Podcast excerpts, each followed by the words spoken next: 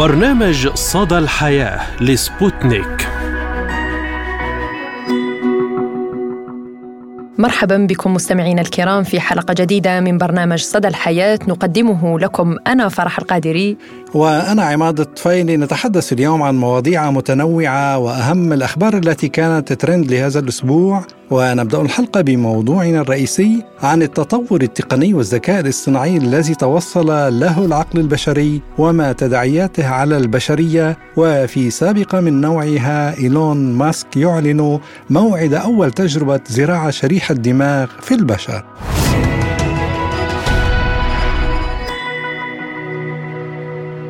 الذكاء الاصطناعي قفزة كبيرة في العالم الرقمي والتكنولوجي والذي نقل الإنسان إلى عالم جديد أكثر سرعة وتطورا وأكثر اعتمادا على تطبيقات تقنية غيرت حياتنا كليا. لقد أصبح الذكاء الاصطناعي مصطلحا شاملا للتطبيقات التي تؤدي مهام معقدة كانت تتطلب في الماضي إدخالات بشرية مثل التواصل مع العملاء عبر الإنترنت أو ممارسة لعبة الشطرنج. ويستخدم المطورون الذكاء الاصطناعي لأداء المهام التي يتم تنفيذها يدويا بكفاءة أكبر والتواصل مع العملاء وتحديد الأنماط وحل المشكلات وللبدء في استخدام الذكاء الاصطناعي يجب أن يكون للمطورين خلفية في الرياضيات ويشعرون بالراحة مع الخوارزميات. لقد حقق الذكاء الاصطناعي قفزة كبيرة السنة الماضية مع إطلاق برنامج ChatGPT في الثلاثين من نوفمبر بواسطة شركة OpenAI ومقرها سان فرانسيسكو وفي ديسمبر الماضي قدرت الشركة أن لديها بالفعل أكثر من مليون مستخدم. كل هذا التطور وتزايد استخدام الروبوت في كافة المجالات والتنافس المفتوح بخصوص الرقائق الإلكترونية دفع بالدول العظمى إلى التطوير أكثر في المجال الرقمي والتقني وبات مقياس من يقود العالم في هذا المجال هو من سيحكم العالم أجمع. الرئيس الروسي فلاديمير بوتين قال سابقا إن الذكاء الاصطناعي هو المستقبل ليس فقط لروسيا ولكن للبشرية جمعاء. إنه يأتي بفرص هائلة ولكن أيضا بتهديدات يصعب التنبؤ بها ومن يصبح قائدا في هذا المجال سيحكم العالم.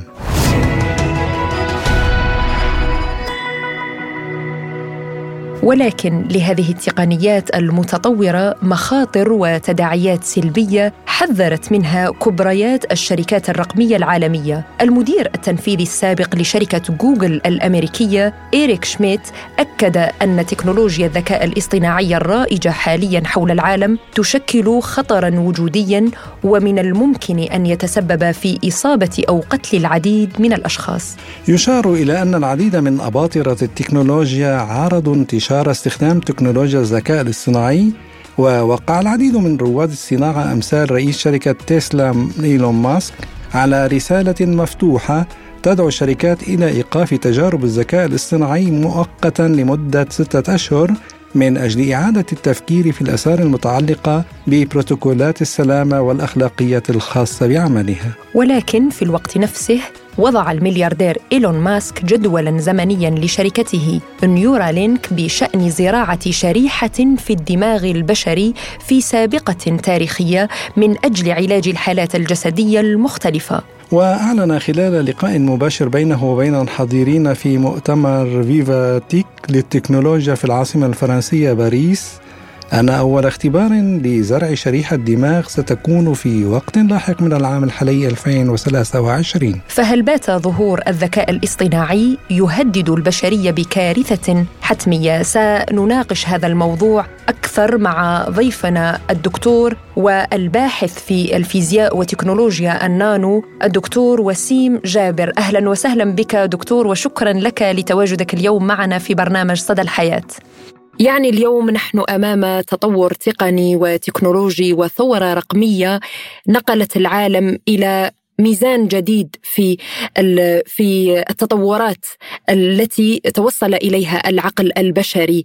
لما نتحدث عن الذكاء الاصطناعي آه، حبذا لو نبدأ اولا بإيجابياته. كيف ترى إيجابيات ما توصل إليه العقل البشري من آه، اختراع لهذا الذكاء الاصطناعي؟ طبعا الإنجاز على مستوى التكنولوجيا اليوم يفوق التصورات. يعني طبعا هي عبارة عن خبرات وتراكمات علمية أدت في نهاية المطاف إلى بزوغ آه، عصر الذكاء الاصطناعي الذي كنا نترقبه منذ أعوام عديدة. ولكن اليوم يعني بفضل آه، تكنولوجيا النانو آه، والتكنولوجيا المتناهية الصغر التي استطاعت أن تصنع شرائح جدا مصغرة واليوم يعني انتقلنا من موضوع الشرائح التي يعني يتم صناعتها عبر رقائق السيليكون النانويه إلى حواسيب كمومية قادمة في المستقبل ستعطي ستعطي الوجه الحقيقي للذكاء الاصطناعي وما يحمله على مستقبل البشرية. طبعا تراكم الخبرات أدت اليوم إلى بزوغ آه، تكنولوجيا الذكاء الاصطناعي، اليوم آه، الذكاء الاصطناعي هو في مرحلته الأولى في مستقبل البشرية. طبعا سيخدم الذكاء الاصطناعي البشرية بالعديد أو بالاحرى بإيجاد حلول كانت مستعصية على العلم، حلول كنا بعيدين عنها بشكل خيالي اليوم من خلال المعالجات الحاسوبية الفائقه السرعة من خلال ال data base أو البيانات التي تم تحفيظها في في الخوادم آه، اليوم البشرية أمام مفترق طرق. نعم سيكون للذكاء الاصطناعي وجه جديد لوجه آه، جميل أيضا لإيجاد حلول كانت مستعصية على العلم آه، طبية حلول بيئية زراعية. هذا في الوجه الحسن للذكاء الاصطناعي. أما طبعا يعني في العلوم هناك دائما وجهين أما سلبي وأما إيجابي. يمكن للبشرية اليوم الاستفادة من الذكاء الاصطناعي في تطوير آه، ذاتها. طيب دكتور وسيم بدي أسأل حضرتك يعني أشرت إلى مسألة السلبي والإيجابي. يعني ما هي إيجابيات وسلبيات الذكاء الاصطناعي؟ على مستوى البشر على مستوى البيئة. طبعا الذكاء الاصطناعي كونه يعني يستخدم بيانات هائلة وضخمة تم تخزينها من خلال آه يعني المنشورات العلمية أو آه كل ما تم تداوله على مستوى المعرفة البيانية للمعلومات يستطيع أن يفلتر، يستطيع أن يحلل، يستطيع أن يقدم حلول، يستطيع أن آه يقترح آه يعني أساليب آه، كما يعني أساليب جديدة مثل ما بفكر البشر مثلا اليوم بيقدم أفكار جديدة تساعد في إيجاد الحلول. ولكن على آه، مستوى هذا على مستوى إيجاد الحلول. نعم الذكاء الاصطناعي اليوم بيقدم حلول جدا ضخمة للبشرية آه، من خلال ال data base اللي كانت مخزنة آه، عندنا طبعا نحن كل ما بنزوده بمعلومات وبيانات للذكاء الاصطناعي كل ما تم تدريبه أكثر كل ما صار قادر يفهم الأمور أكثر كل ما بيقدم لك حلول أكثر ومع تقدم الذكاء الاصطناعي سنكتشف علوم جديدة سنكتشف حلول جديدة. هذه ستؤدي إلى تطور أيضا على مستوى المعرفة على مستوى إيجاد الحلول إن كان بيولوجية طبية زراعية بيئية أمنية عسكرية كل في كل المجالات.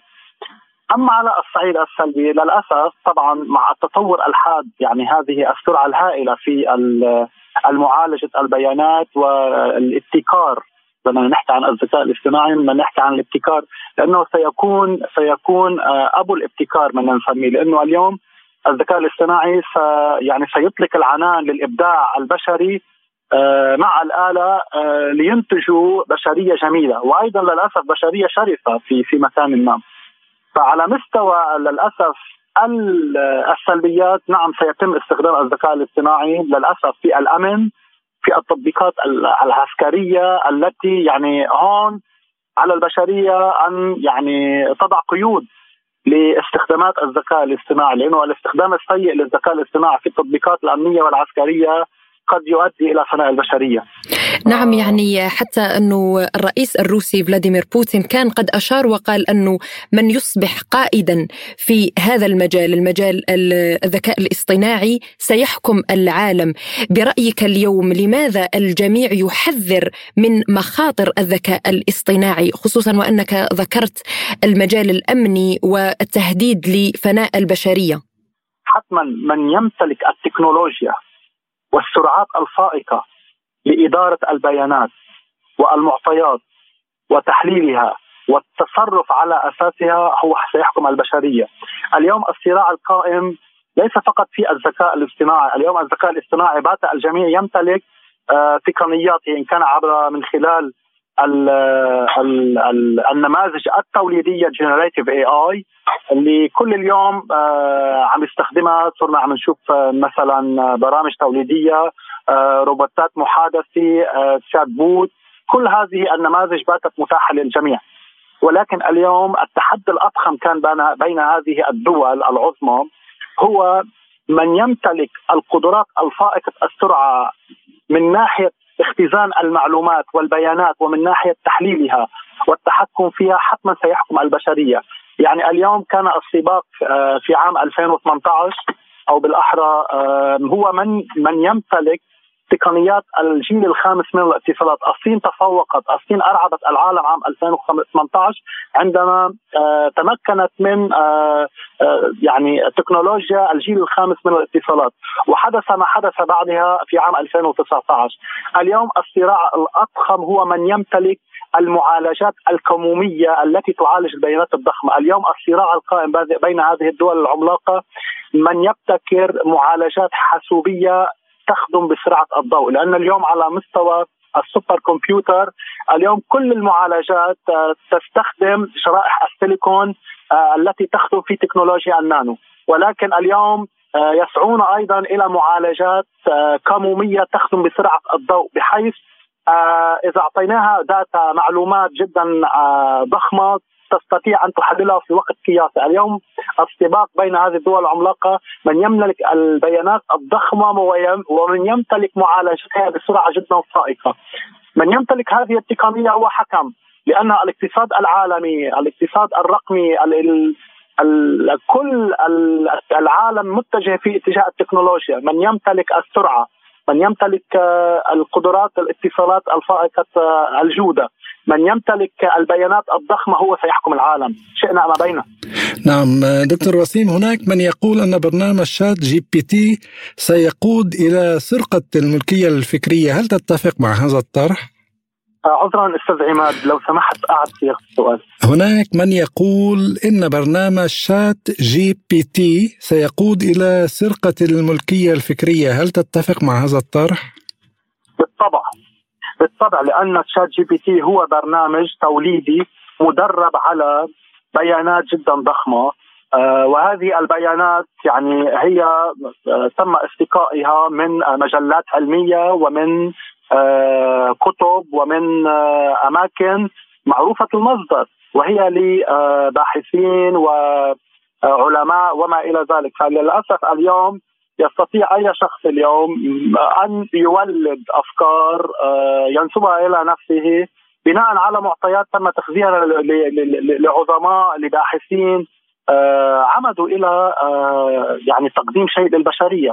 يعني اليوم مثلا استطاعوا من خلال هذه البرامج التوليدية من إيجاد من إيجاد مركبات كيميائية كانت بعيدة عن البشرية استطاعوا إيجاد حلول دوائية جديدة.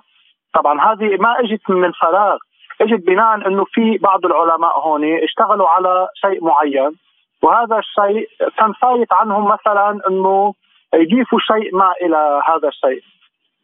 استطاع بعض الأشخاص إنه يجيبوا نتائج هؤلاء العلماء وأضافوا إليها بعض الأشياء. ChatGPT استطاع أن يركب المادة الجديدة. فأنا بدي أقول لك هو على مستوى الابتكار وعلى مستوى الملكية الفكرية نعم الملكية الفكرية اليوم مهددة. آه، يعني آه، نحن أمام واقع جديد يجب إدارته بدقة يجب يعني وضع قيود له وإلا سيحدث الكثير من الفوضى. نعم. نعم دكتور وسيم يعني في آخر تصريحات لإيلون ماسك قال أنه يعني وضع جدولا زمنيا لشركته لزراعة شريحة في الدماغ البشري هو قال أنه من أجل علاجات لأمراض جسدية مختلفة برأيك إلى أي مدى هذه التقنية تهدد الإنسان؟ على مستوى تقنية نيورالينك التي آه يعني آه سيضع شريحة إلكترونية شريحة آه جدا صغيرة آه، على القشرة الخارجية لدماغ الإنسان، طبعا ال contact ما بين هذه الشريحة وال neuron الخاص بالدماغ هو ما يقارب الواحد نانومتر.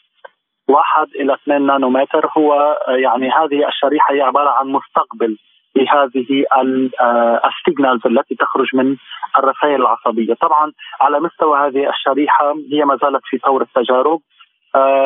طبعا هي عبارة عن response تتلقى يعني يعني signals من ال neuron أو العصب الدماغي ولكن مستقبلها على البشرية ما زال يطرح علامات استفهام كبيرة. أنا بتصوري كباحث في تكنولوجيا النانو.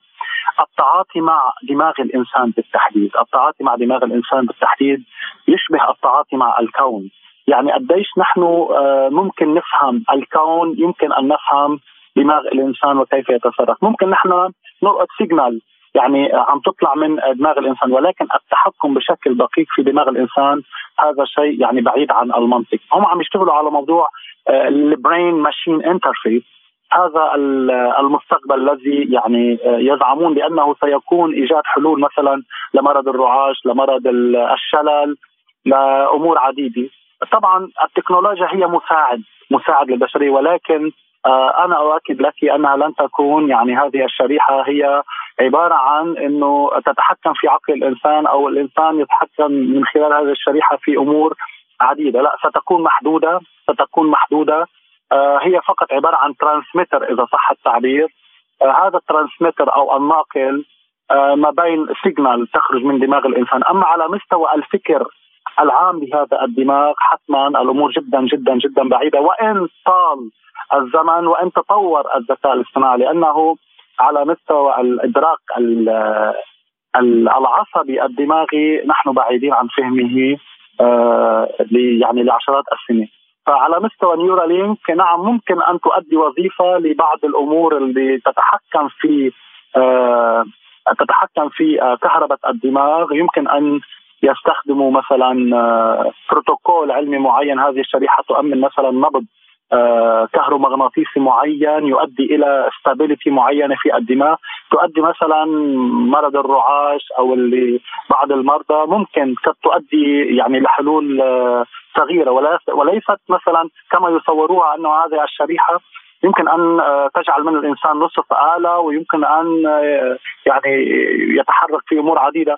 هم يسعون اليوم إلى دمجها مثلا في نظارات معينة يمكن أن تتحكم في شاشة هاتف يمكن أن من خلال حركة العين وفتحه العين يمكن أن مثلا تؤدي لوظيفه معينة تحرك مثلا شيء من مكان إلى آخر. ولكن على مستوى الضخامة التي زعموها هم بعيدون نعم. طيب سؤال الاخير دكتور وسيم. يعني هناك وظائف يهددها الذكاء الاصطناعي. يعني برأيك هل بات استخدام هذا الذكاء ضرورة حتمية؟ اليوم البشرية أمام مفترق طرق نحن مجبورون كبشر أن نمضي مع الذكاء المعزز بالتكنولوجيا. هناك قاعدة في علم الإدارة من لم يتقدم يتقادم. يعني إذا نحن ما مشينا مع الذكاء الاصطناعي ما مشينا مع الثورة التكنولوجية ما مشينا مع هذه الوجه الجديد للعصر الجديد التكنولوجي حتما نحن سنكون في يعني إلى الخلف. فلأجل ذلك اليوم نعم البشرية عليها أن تدرك أو تعرف كيف تتعاطى مع التكنولوجيا بالوجه الذي تستفيد منه. لأنه اليوم كل يوم عم يطلع تطبيق وكل يوم عم يطلع خدمة جديدة بالتكنولوجيا الذكاء الاصطناعي وكل يوم تشرق عليه البشرية الشمس على البشرية يوجد شيء جديد. فلاجل ذلك نعم البشر اليوم مجبورون إنه يمضوا مع الذكاء المعزز بالتكنولوجيا لأنه سيحل الذكاء الاصطناعي للأسف بقول لك إنه سيحل بدل مئات الوظائف. وأنا بقول لك إنه البشرية بعد خمس سنين ست سنين يعني كثير من الناس حتفقد وظائفها لأنه الذكاء الاصطناعي بده يحل محلها بمجالات عديدة.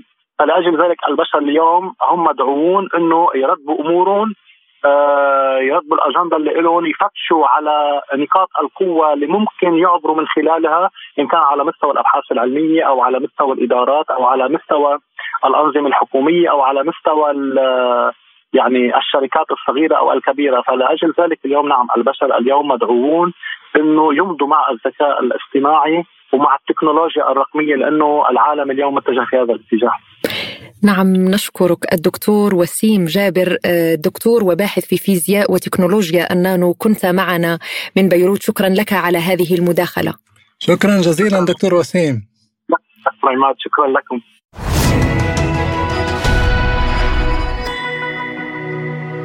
نواصل مستمعينا الكرام معكم حلقة اليوم بأهم الأخبار التي كانت ترند لهذا الأسبوع وما هو أول خبر لديك يا عماد؟ نعم فرح أغنية اختياراتي للمطرب المصري أحمد سعد تتصدر الترند على اليوتيوب اختياراتي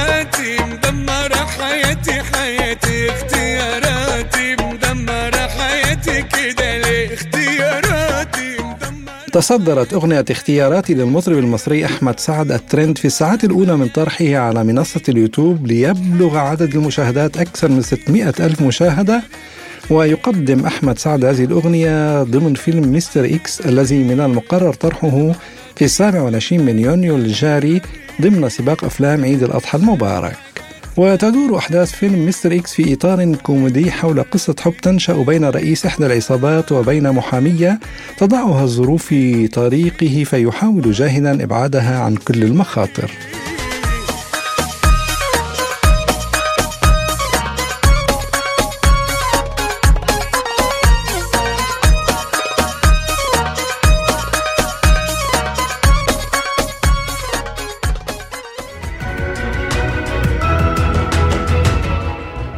حكم رادع ضد شخص ابتز ممثلة مصرية تداول رواد مواقع التواصل الاجتماعي خبر تعرض ممثلة مصرية للابتزاز بصور خادشة للحياء من طرف أحد الأشخاص ولكن الأمر المهم في القضية هو الحكم الرادع الذي أصدرته المحكمة المصرية بحقه بعد القبض عليه حيث كشفت الفنانة رندا عبد السلام عن صدور حكم قضائي بحبس الشخص الذي قام بابتزازها وهددها بنشر صور ومقاطع فيديو إباحية لها من أجل الحصول على خمسين ألف جنيه مصري. وقالت الممثلة عبر صفحتها الرسمية إنستغرام إن محكمة جنايات الجيزة قضت بحبس المتهم لمدة خمس سنوات كما ألزمته بالمصاريف الجنائية. و أرفقت الصورة الحكم وقالت حكم رادع لمن ينتهك حرمة الحياة الخاصة ولكل من تسول له نفسه انتهاك حرمة الحياة الخاصة للأفراد.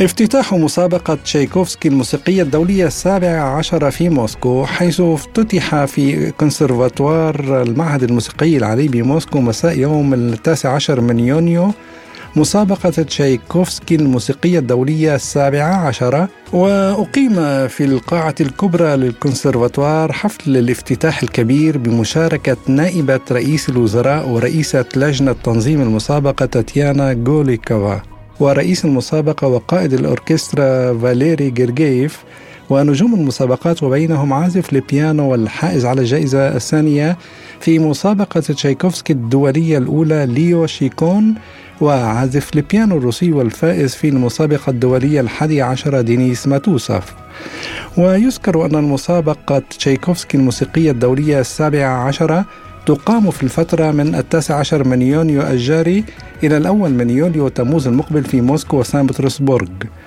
وتضم المسابقة 235 موسيقيا شابا من 23 دولة وبينهم 25 عازف بيانو و25 عازف كمان و25 عازف تشيلو و65 مطربا ومطربة و47 عازفا على آلات النفخ الخشبية و48 عازفا على آلات النفخ النحاسية.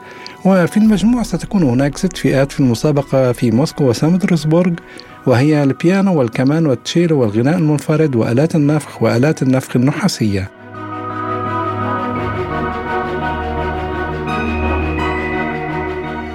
إيرلندا تدفع أكثر من 90 ألف دولار لتشجيع السكن في جزرها النائية.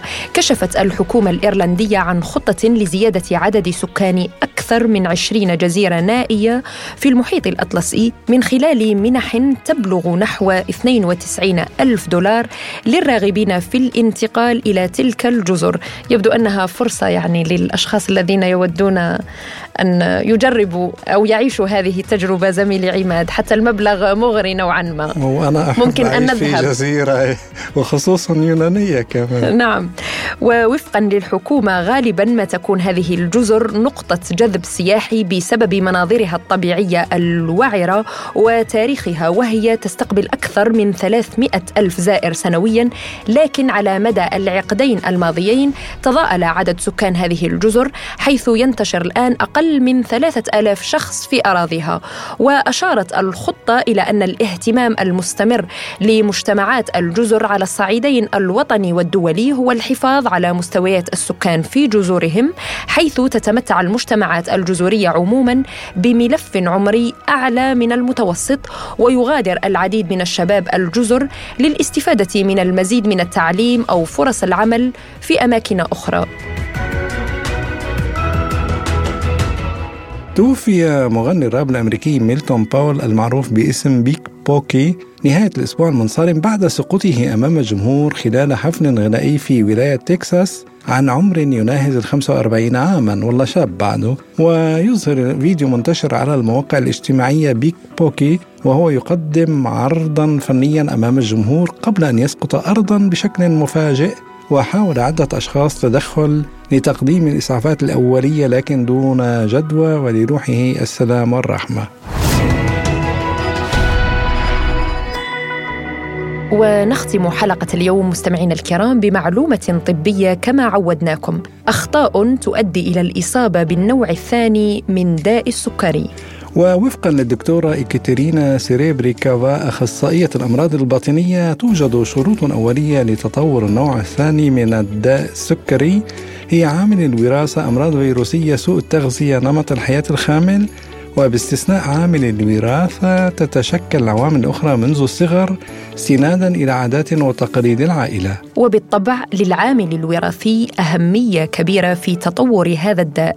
أما خطر الإصابة بالنوع الثاني من داء السكري على خلفية الإصابة بمرض فيروسي فإنه يشمل الأطفال بصورة خاصة، لذلك من الضروري تطعيمهم ضد الأمراض التي يمكن التحكم بها من خلال اللقاحات. غالبا ما يكون الوزن الزائد والسمنة سببا لتطور النوع الثاني من دائر السكري وبالطبع عادات الأكل الخاطئة هي الأسباب الرئيسية المحفزة لتطور المرض في مرحلة الطفولة والبلوغ.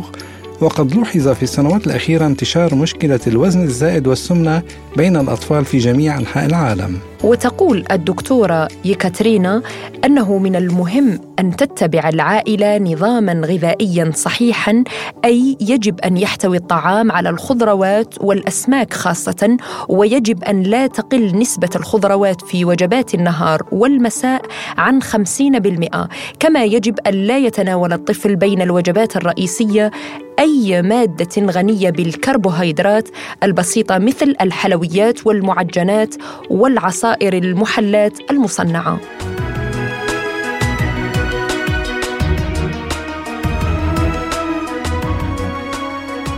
إلى هنا نصل وإياكم مستمعينا الكرام إلى ختام حلقة اليوم من برنامج صدى الحياة كنت أنا معكم فيها من استديوهات إذاعة سبوتنيك في موسكو أنا عماد طفيلي وأنا فرح القادري ولا تنسوا متابعة أخبارنا عبر موقعنا الرسمي سبوتنيك Arabic dot AE وقناتنا على تيليجرام سبوتنيك عربي.